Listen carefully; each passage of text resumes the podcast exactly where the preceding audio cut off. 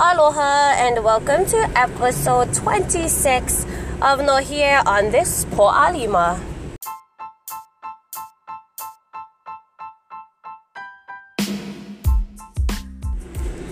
Today's word is kope, and kope is the Hawaiian word for coffee, the drink a lot of us need to get through our days sometimes. And kope is spelled K O P E, and it's pronounced ko pe.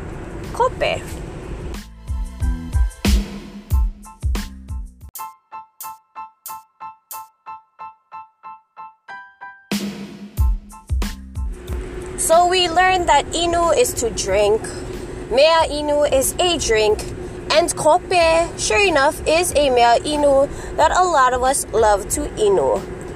So I hope you continue to enjoy kope as a mea inu at any time of the day.